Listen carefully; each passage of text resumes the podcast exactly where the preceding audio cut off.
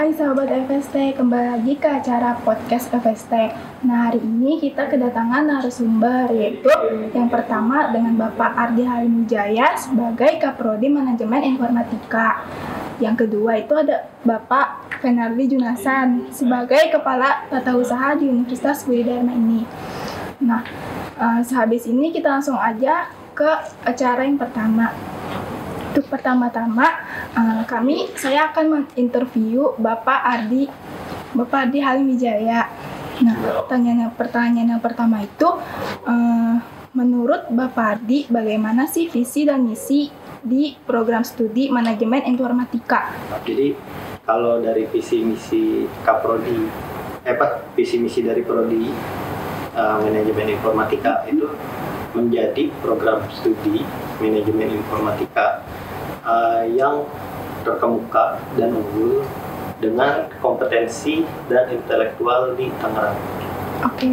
Itu visinya. Nah, untuk mencapai itu, uh, ada pun misi yang akan di, dilakukan. Jadi, yang pertama itu kita menciptakan lulusan uh, yang mem memiliki kompeten tadi kompetensi dan intelektual Nah, jadi yang secara profesional di bidang manajemen informatika. Itu, itu yang pertama.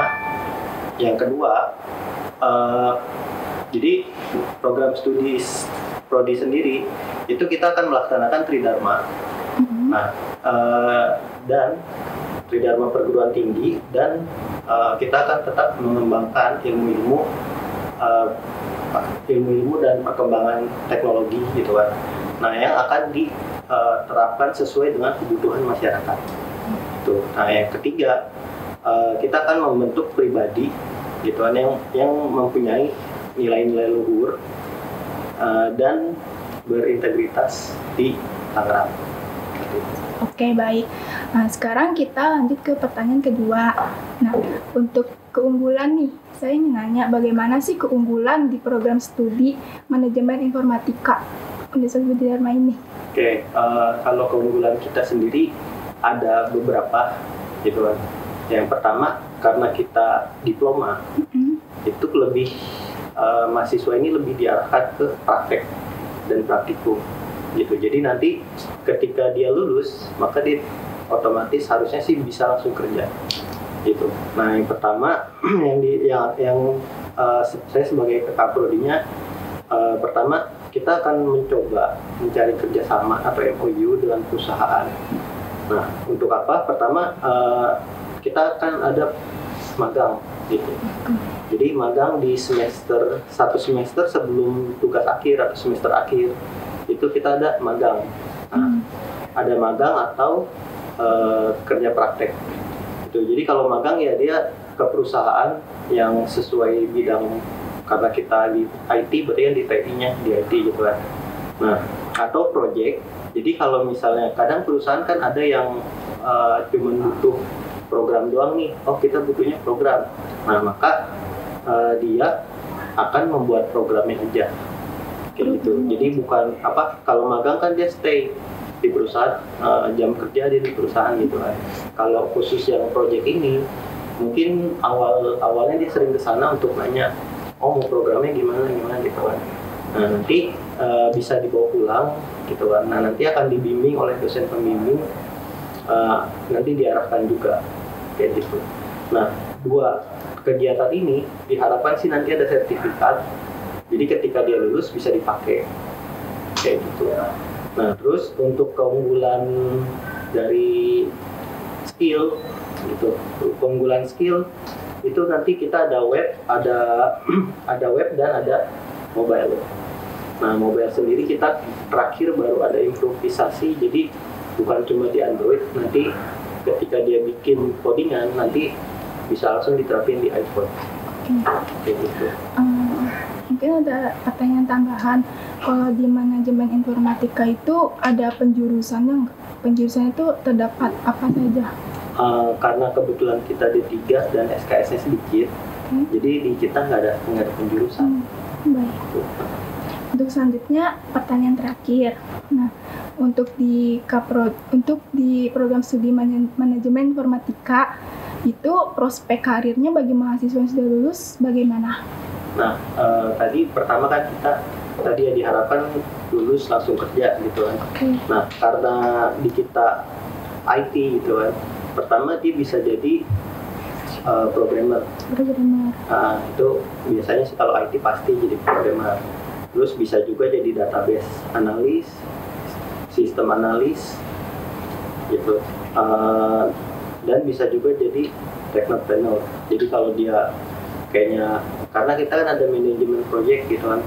Nah, dia bisa menghandle project. Hmm. Nah, dia bisa juga mungkin kalau ada banyak kenalan, ya mungkin dia bisa mendirikan software house. Super. Kayak gitu. Hmm. Mungkin untuk wawancaranya seperti ini saja. Terima kasih Bapak Ardi. Selanjutnya dilanjutkan oleh Bapak Fenarli. Nah. gimana? Eh, Untuk yang pertanyaan pertama, menurut oh ya tugas Bapak Fernali di juru di kepala TU itu Sekarang saya di FS itu sebagai kepala TU, kepala tata usaha, mm, di mana tugas kepala tata usaha itu kita ada ngebawain kayak semacam finance-nya di fakultas. finance. Finance-nya di fakultas, jadi di UBD ada finance, di fakultas pun ada finance-nya. Dari absensi dosen, gaji dosen, pembentukan NIDN dosen, Mm, dari sistem kelasnya, UTS UAS, itu kita yang koordinir. Untuk soal-soal atau apa itu kita koordinir. Untuk gaji dosen pun dari TU.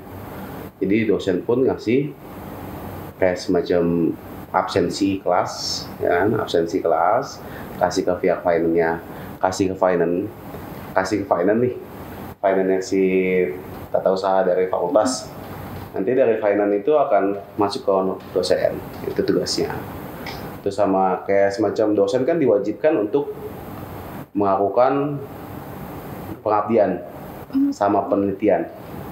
Nah di situ si dosen akan kasih salah satu proposal ke kita kepada si TU TU akan keluarin surat tugas.